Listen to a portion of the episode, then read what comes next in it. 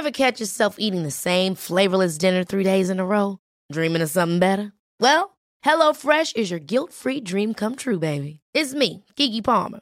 Let's wake up those taste buds with hot, juicy pecan-crusted chicken or garlic butter shrimp scampi. Mm. Hello Fresh. Stop dreaming of all the delicious possibilities and dig in at HelloFresh.com. Let's get this dinner party started.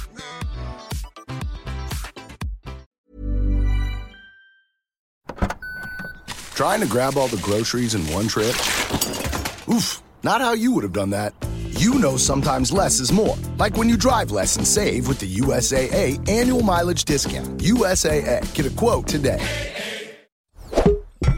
Tony Media. Het is oorlog in Europa. Gaan we allemaal dood in een kernoorlog? Nee, ik denk het niet. Gaat de oorlog de wereld veranderen? Dat weet ik zeker. In samenwerking met Dagblad Trouw probeer ik met deze podcast grip te krijgen op de oorlog. Hier houd ik je wekelijks op de hoogte van de situatie in Oekraïne en Rusland. En dit gebeurde er in week 33 van de oorlog. Deze week ging Oekraïne door met het herfstoffensief. Opnieuw hebben ze een belangrijke stad in Donbass ingenomen. Het gaat om de stad Liman, sinds zaterdag in handen van de Oekraïners. Het is een belangrijk logistiek knooppunt en het wordt nu nog lastiger voor Rusland om materieel uit Rusland naar het front te krijgen. En die opmars gaat gewoon verder naar het oosten, richting Kremina. En eigenlijk het enige wat het Oekraïnse leger nu tegen kan houden is het weer. Want rond deze tijd begint het herfstweer. En uh, ja, de wegen veranderen dan in modderpoelen. Zelfs tanks komen dan vast te zitten. En dan pas in de winter, als de modder bevroren is, kan de oorlog dan verder gaan. Dus het is zaak om nu zo goed mogelijk gebruik te maken van dat momentum. Intussen is Rusland al wekenlang bezig om het stadje Bakhmut in te nemen. Strategisch eigenlijk van weinig waarde. En ze verliezen daarbij enorm veel kostbare soldaten, die ook ergens anders hadden kunnen ingezet eh, worden. Militair is dat dus volkomen onzinnig. Maar misschien heeft het te maken met Poetin, die sinds een maand generaals aan het front direct aanstuurt. Dat blijkt uit een interessant stuk in de New York Times. Poetin heeft een overwinning nodig en hij denkt die dus in Bakhmut te kunnen halen. Daarbij negeert hij compleet de militaire werkelijkheid. En om diezelfde redenen trekken Russische soldaten zich niet terug van de westoever van de rivier de Dnieper in de regio Gerson in het zuiden van Oekraïne. Al maanden geleden heeft Oekraïne daar de bruggen over de Dnieper opgeblazen. En daardoor is het heel erg lastig voor de Russen om wapens en eenheden uh, naar de andere oever te transporteren. En militair gezien zou het de beste beslissing zijn om ja, je georganiseerd terug te trekken naar de oostkant van de rivier. Die is namelijk veel beter te verdedigen. Maar Poetin heeft daar dus een stokje voor gestoken. En nu zitten daar 20.000 Russische soldaten als ja, ratten in de val. Want ook hier gaat Oekraïne nu hard in de aanval. Na maandenlang dus die Russen te hebben uitgeput met beschietingen. Ilya Panamarenko, hij is uh, militair correspondent voor de Kiev Post. Sowieso echt een hele goede om te volgen. Die vergeleek het front in Gerson met een potje Jenga. Misschien heb je het wel eens gespeeld vroeger. En maandenlang zijn er eigenlijk stokjes weggehaald uit een toren. En op een bepaald moment dondert dan die hele toren in elkaar. En dat zou zomaar deze week kunnen gebeuren in Gerson. Wat het nog raadselachtiger maakt, is dat dit gebied werd verdedigd door elite-eenheden. Maar zelfs daar walsen de Oekraïners overheen. Ja, zelfs die eenheden zijn ernstig verzwakt en of gedemoraliseerd. En als Rusland het nu al zo moeilijk heeft, hoe zal dat gaan als de gemobiliseerden, de amateurs als het ware, een grotere rol in de oorlog gaan spelen?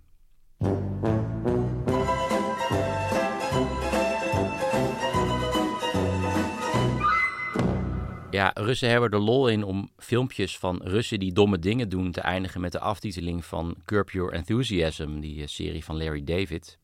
Met het muziekje dat je dus net hoorde. Eigenlijk een beetje om de absurditeit van de beelden nog maar te benadrukken. Ik zag weer deze week een hele stoet van dit soort filmpjes langskomen. Wat natuurlijk te maken heeft met de zelfs voor Russische begrippen chaotische mobilisatie. Heel erg veel dronken Russen weer, heel erg veel vieze toiletten. Ook een aantal vechtpartijen, nota bene op het moment dat die gemobiliseerden worden toegesproken door hun commandant. Ik zag een prachtige foto langskomen van drie soldaten die marcheren op badslippers. Eentje zonder sokken trouwens. Andere gemobiliseerden brachten hun nacht door buiten, ja, gewoon in, ja, in het wild. In Omsk ook nog eens, in Siberië, zonder tent of wat dan ook. En verderop zag ik beelden in Novosibirsk van vrouwen die hun mannen eten brengen op de kazerne, omdat ze dat niet krijgen daar. Verder zag ik veel filmpjes van mannen die hun benen of armen breken om ja, niet naar het front te worden gestuurd.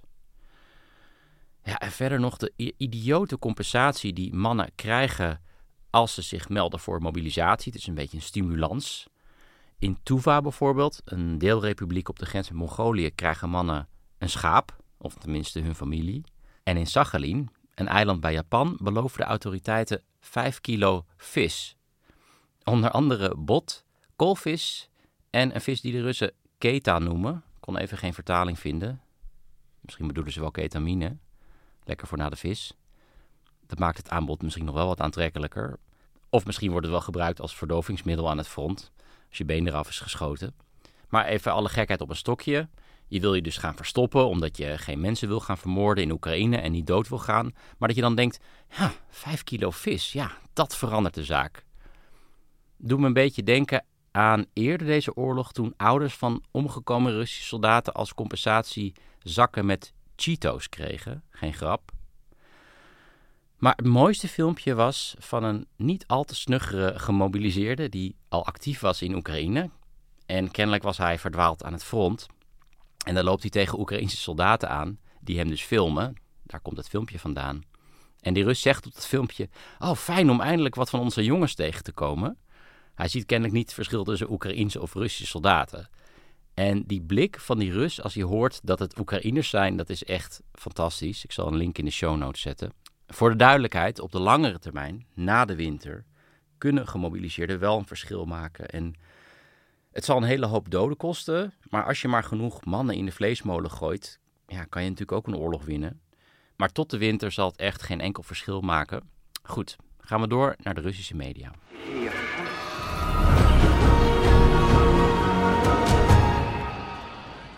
Russen thuis hebben niet veel meegekregen van de nederlagen aan het front. Zij werden getrakteerd op een mooi evenement op het Rode Plein. Nadat Poetin op het Kremlin een papiertje had ondertekend voor de illegale annexatie van vier Oekraïnse provincies. Ja, het is een beetje een uh, idiote handeling geweest. Want niet alleen zijn sommige delen van die provincies nog in Oekraïnse handen, maar elke dag veroveren Oekraïners wel een of ander dorp. Dus dat gebied wordt ook nog eens kleiner. Vandaag werd bekend dat de Russische overheid de grenzen van het geannexeerde gebied nog aan kan passen. Nou, superhandig als je een oorlog aan het verliezen bent. Hoe dan ook, een hele sneuwe bedoeling dus. En de sfeer was echt anders dan bij de annexatie van de Krim. Zelfs in de Donbass zelf kwamen maar een handjevol mensen af op ja, evenementen waar die annexatie werd gevierd. En het Rode Plein stond dan wel vol. Maar achter het Rode Plein zag je honderden passagiersbussen. Want zoals wel vaker in Rusland worden mensen verplicht opgetrommeld voor dit soort evenementen. Vaak zijn het ambtenaren die helemaal geen keuze hebben. En die krijgen dan een Russische vlag in hun handen geduwd en die moeten dan op het plein gaan staan. Er doken ook weer foto's op van containers, s'avonds vol met Russische vlaggen. En die menigte werd toegesproken door een obscure acteur en voormalig priester, Ivan Aglabuistin. Want ja, alle bekende Russen die zijn gevlucht naar het buitenland. Of vertikkerd om daar te gaan staan. Dus moesten ze het met hem doen. Echt een fascinerende man. Hij leek als twee druppels water op Peter Sellers in Doctor Strangelove. Film van Stanley Kubrick. Over een gek die een uh, atoombom gebruikt. Toepasselijk dus wel. En nee, ik denk niet dat die bom gebruikt gaat worden. Ik merk weer dat er angst is voor die bom. Ik krijg die vraag weer heel veel. Komt een beetje in golven. Ik ga hier nu niet op in. Dan moet je dag 90 eh, nog maar even terugluisteren. Hoe dan ook, deze hysterische Oglobistin, uh, die roept op het podium op tot een heilige oorlog. Luister eventjes hoe eng die man is. Правильно это назвать священная война! Священная война! Существует такое древнее Hij zegt, vrees ons, mensen in het Westen, mensen zonder geloof, schoonheid of wijsheid, een wereld die wordt geleid door perverse, gekken en satanisten, We komen eraan. Nou ja, dat sluit ook een beetje aan bij de speech van Poetin eerder op de dag, waar hij de oorlog in Oekraïne framede als een strijd tegen het Westen en niet een strijd tegen Oekraïne. En een strijd ook tegen de verdorven westerse waarden. En dat is een interessante verschuiving, want door het te framen als een strijd tegen het Westen in plaats van een strijd tegen de Oekraïne, is een nederlaag in Oekraïne, want ja, daar gaat het nu waarschijnlijk echt op uitdraaien, beter te accepteren voor Russen. Nog even over die dokter Strangelove. Eerder had deze gek al gezegd dat homo's levend verbrand moeten worden in ovens. En er dook ook al een foto op van hem waar hij de natiegroet brengt. Dit zijn dus mensen die anno 2022 het grootste podium krijgen in Rusland, bekeken door miljoenen Russen op de staatstv. En zelfs als Poetin vertrekt, zal dat gif nog wel een tijdje doorwerken bij deze Russen, vrees ik. Oké, en dan nog dit. Eens in de twee weken behandel ik hier een vraag van een luisteraar over de oorlog. En de vraag is deze week afkomstig van luisteraar Rolf Blijleven. Wat een topachternaam. Blijleven ontvangt een kledingpakket van onze trouwe sponsor en dat is Bamigo. Bamigo maakt duurzame kleding op basis van bamboe. Bamboe heeft veel minder water en pesticiden nodig dan katoen en is ook nog eens heel erg zacht en zit ook nog eens lekker, weet ik toevallig. Ze maken onder meer ondergoed, polo's en t-shirts. Je zou eens een kijkje kunnen nemen op bamigo.com. Hoe dan ook, de vraag van deze week luidt: hoe smokkelt Alexei Navalny zijn berichten naar de buitenwereld? Navalny is natuurlijk de leider van de grootste oppositiegroepering in Rusland en zit vast in een zwaar beveiligde gevangenis. Um, ja, hoe het echt zit, dat weet ik natuurlijk niet. En als ik het zou weten, zou het niet zo verstandig zijn om dat te delen. Maar na vijf jaar wonen in Rusland weet ik één ding. En dat is dat het land een stuk rommeliger is dan je denkt. Zie ook de complete clusterfuck bij de mobilisatie. Nou ja, zie ook deze hele oorlog eigenlijk. Ik vertel meer over die chaos in Rusland in mijn podcastserie Rusland voor Gevorderden. Met reisverhalen uit de hele voormalige Sovjet-Unie. Waardoor je denk ik beter begrijpt wat voor chaotisch land Rusland eigenlijk is. Want natuurlijk is die gevangenis van Navalny streng beveiligd, maar er valt heus wel wat te hosselen. Als je maar geld hebt, kan je alles regelen in een gevangenis: drugs, telefoon, tv, eten, hoeren, weet ik veel, kolonisten van Katan. En ja, dan is een briefje naar buiten toe nog wel het makkelijkst. En wat ook kan, gevangenispersoneel kan echt sympathie hebben voor Navalny. Het is een populaire man in Rusland. En wat tenslotte ook kan, is dat hij die teksten niet zelf schrijft. Het is opvallend hoe vaak Navalny de laatste tijd in de isolatiecel wordt gegooid. Het zal me niet verbazen als hij daar ooit dood wordt gevonden of weet ik veel uit een raam valt. Als dat niet gebeurt, is hij de mogelijke opvolger van Poetin als het land in elkaar gaat donderen. En dat is toch iets waar we steeds meer rekening mee moeten houden. Ook Rusland zelf is een soort groot Jenga-spel. Opvallend is dat de Oekraïners zelf niet heel erg warm lopen voor Navalny als leider. Zij zijn niet vergeten dat na de annexatie van de Krim in 2014 hij zei dat de Krim de facto bij Rusland hoort. En als hij leider van Rusland zou worden, dat hij dat niet zomaar terug zou geven aan Oekraïne. De Krim is niet een sandwich die je zomaar teruggeeft, zei hij toen. Veel Oekraïners zijn ook bang dat Navalny de corruptie in het leger echt aan zou pakken. En ja, dat zou het leger natuurlijk veel gevaarlijker maken. Hoe dan ook, Rolf, bedankt voor je vraag. Wil je ook kans maken op een kledingpakket van duurzame bamboe? Stuur dan ook een vraag of een tip. Je kan een berichtje sturen op Twitter of Instagram. Of je kan natuurlijk zelf je kleren bestellen bij Bamigo. Ontvang nu 25% korting op je eerste bestelling op bamigo.com. De korting is exclusief voor de luisteraars van de show met gebruikmaking van kortingscode Jelle25. Voorlopig is Poetin gewoon nog aan de macht en die zal ten koste van alles aan die macht proberen te blijven. Ik ga het daarover hebben met Helga Salomon. Helga, welkom. Dank je. Helga is verbonden als analist aan het The Hague Center of Strategic Studies. In het Engels klinkt alles gewoon beter eigenlijk. Zij bracht ook tijd door in Rusland. We zaten samen in Moskou. Ehm, Helga, je duikt veel in de interne wereld van het Kremlin. Ook ja, je verdiept je in de machtsspellen die daar worden gespeeld. En ik wil het een beetje met je hebben over de motivatie voor het beginnen van de oorlog. Sommigen hebben de neiging om zich helemaal blind te staren op externe factoren, zoals de uitbreiding van de NAVO en de dreiging van het Westen. Maar ik wil het met jou hebben over mogelijke interne factoren die, die spelen binnen het Kremlin. Spelen die ook een rol bij, of speelden die eigenlijk ook een rol bij het beslissen om, uh, om Oekraïne binnen te vallen?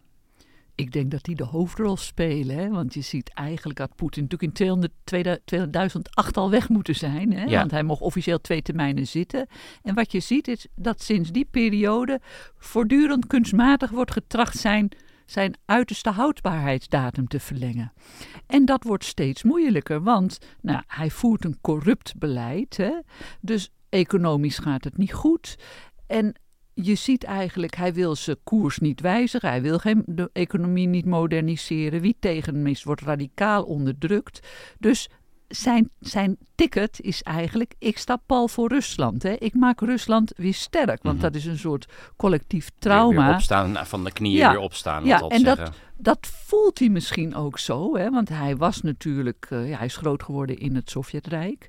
Dus hij, hij zet alles op de vijandigheid het vijandige Westen. Net als zijn communistische voorgangers.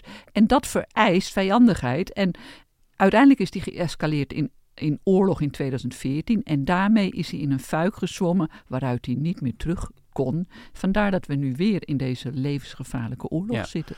Want als je zegt er wordt geprobeerd om hem in de macht, aan macht te houden.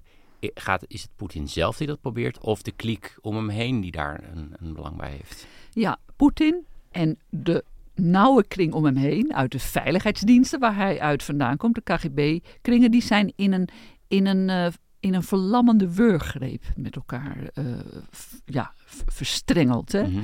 Dus die groep die is met hem gegroeid vanaf 2000. Hè? De, de oudste kent hij al vanaf de jaren 70, zoals Patrushev, secretaris van de Veiligheidsraad. En die hebben hem aan de macht gehouden. En als er iets met Poetin gebeurt, gebeurt er iets met hun. En dat is breder. Dan verliezen de veiligheidsdiensten hebben eigenlijk feitelijk de macht in Rusland, hm. net zoals de KGB in de Sovjet-Unie. Die mensen verliezen dan hun positie. Dus het is die groep die naar boven is komen dus drijven. Het lot is eigenlijk verweven met het lot van Poetin. Voor Precies. hen is ook geen weg meer terug. Ja, en dat geldt natuurlijk voor een bredere lagen. Dat geldt ook voor de oligarchen onder Poetin. Maar je zag al in het voorjaar, die begonnen te piepen. Misschien mm. weet je nog, ja, Piotr Aven, die in Londen zei, oh god, ik kan mijn schoonmaker niet meer betalen. En, en, mijn chauffeur ook niet meer. Ja. en weten jullie wel hoe erg dat is wat jullie doen? Nou, die begonnen dan te piepen. En die kunnen zich er nog wel ergens van distancieren in de toekomst. Maar ja, die hele, ook toch de, veel oligarchen en het leger, die zijn natuurlijk verbonden met Poetin. Dus het is een piramide. Als Poetin valt, dan valt de piramide uiteen. Want je noemt het leger. Ik ik had uh, vorige week uh, Piotr Sauer hier in de uitzending en die zegt ook dat er, ja, er wordt ook wel eens gesproken van rivaliteit binnen tussen facties bij het Kremlin. De veiligheidsdienst aan de ene kant, uh, militair aan de andere kant. Speelt dat ook mee dat er onderlinge alvast strijd wordt gevoerd voor wie weet als Poetin al dan niet uit het raam valt?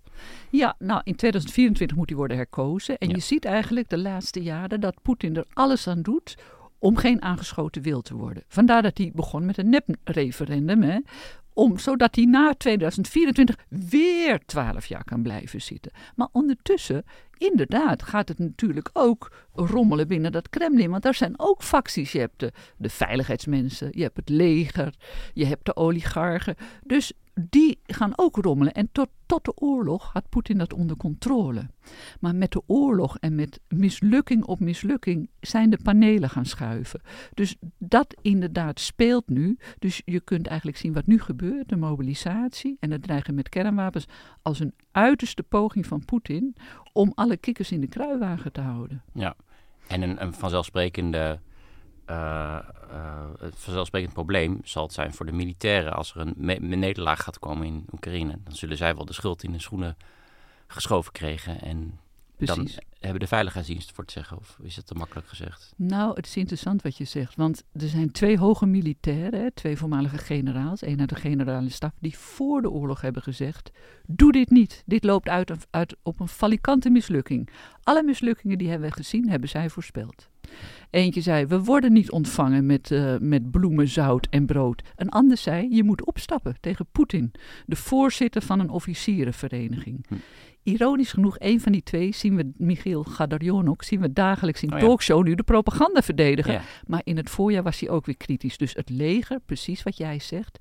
Wellicht dat ze daar het meest gefrustreerd zijn. Want die mensen hebben kennis van zaken. Die mensen hebben gezegd: dit gaat niet goed. Die zijn gepasseerd. Die worden nu ook gepasseerd. Want het schijnt dat Poetin vrijwel eigenhandig die beslissingen neemt. Ja. Dus vanuit die groep. De vraag is: hè, van hoe zien al die slachtoffers, al die, die militairen die er sterven, daar kijken zij natuurlijk met leden ogen Ja. naar. Maar die geheime diensten, daar heb je ook gelijk in, die hebben de controle. Maar het, het begint dus een beetje.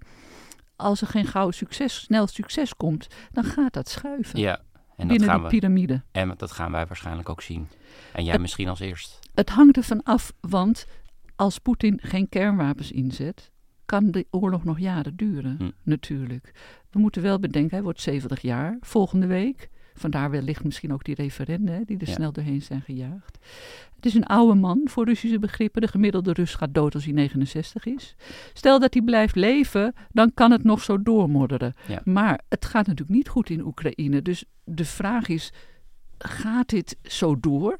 Houdt hij alles onder controle? Of gaat er iets schuiven om nog maar niet te praten over de inzet van een kernwapen? Want Ja. dan wordt alles natuurlijk Ja. helemaal anders. Spannend hoe het gaat lopen op het Kremlin. Helga Salomon, dank je wel voor je bijdrage.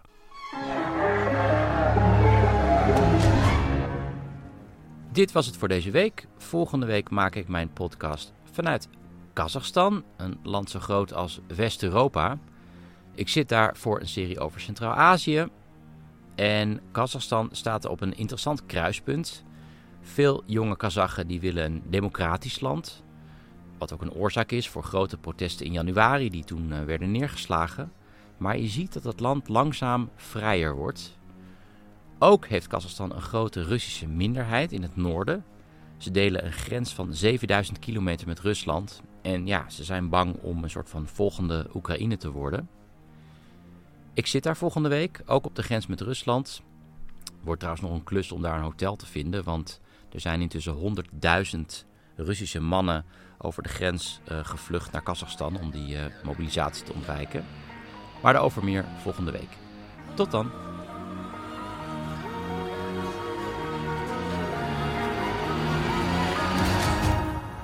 Dit was een productie van Tony Media en Dagblad Trouw. Voor meer verdieping ga naar trouw.nl.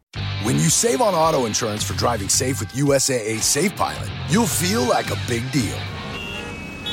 Even in a traffic jam. Save up to 30% with USAA Safe Pilot.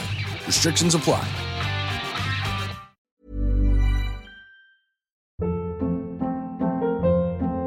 Hold up. What was that? Boring. No flavor. That was as bad as those leftovers you ate all week. Kiki Palmer here, and it's time to say hello to something fresh and guilt-free. Hello Fresh. Jazz up dinner with pecan-crusted chicken or garlic butter shrimp scampi. Now that's music to my mouth. Hello Fresh. Let's get this dinner party started. Discover all the delicious possibilities at hellofresh.com.